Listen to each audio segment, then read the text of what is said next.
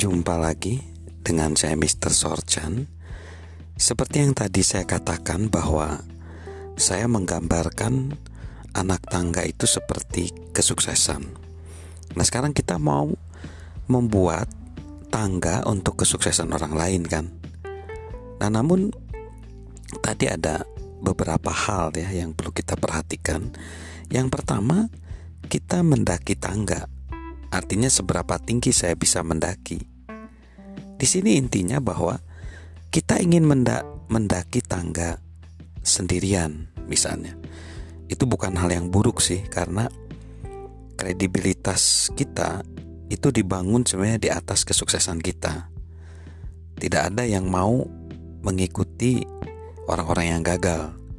Orang-orang ingin bergabung dengan mereka yang ada kesempatan untuk menang. Jadi, langkah pertama adalah kita harus menunjukkan bahwa kita mampu menaiki tangga kita sendirian dulu. Nah, apa yang diperhatikan untuk menaiki tangga kita sendiri? Yaitu kekuatan kita.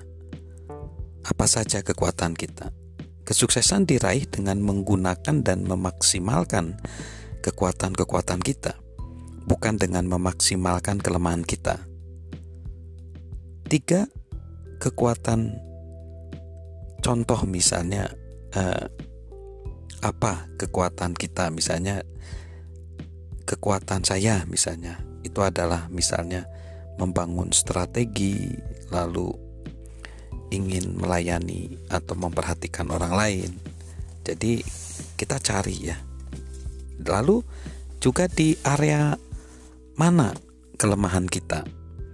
Nah misalnya kita tidak cakap melakukan tugas-tugas apa misalnya. Seperti administrasi atau apa. Nah itu kita perlu bantuan orang-orang seperti itu. Hal-hal teknis misalnya kurang itu perlu bantuan. Lalu apa saja peluang saya? Jadi apa peluang kita? Bahwa sebenarnya setiap orang punya peluang. Nah peluang apa yang bisa kita peroleh. Nah, jadi kita cari lalu uh, fokuskan ya kekuatan kita nanti pada peluang itu semaksimal mungkin. Pertemuan antara kekuatan dengan peluang memunculkan kesempatan untuk kita bisa mulai mendaki tangga kesuksesan kita. Manfaatkan sebaik-baiknya. Ya, jadi uh, Jikapun mungkin itu bukan peluang yang sempurna, percayalah bahwa hal semacam itu tidak akan terjadi karena sebenarnya nggak ada peluang yang sempurna. Namun kita tetap dapat memulai pendakian kita. Lalu, apakah kita melangkah setiap hari? Ini penting. Ketika kita ingin meraih peluang dan menggunakan kekuatan kita untuk memanfaatkannya, kita harus berupaya kita tidak bisa menjawab ya untuk pertanyaan apakah kita mengambil langkah setiap hari maka kita akan gagal dan kita tidak perlu lagi mengambil langkah selanjutnya untuk menjadi pembangun tangga.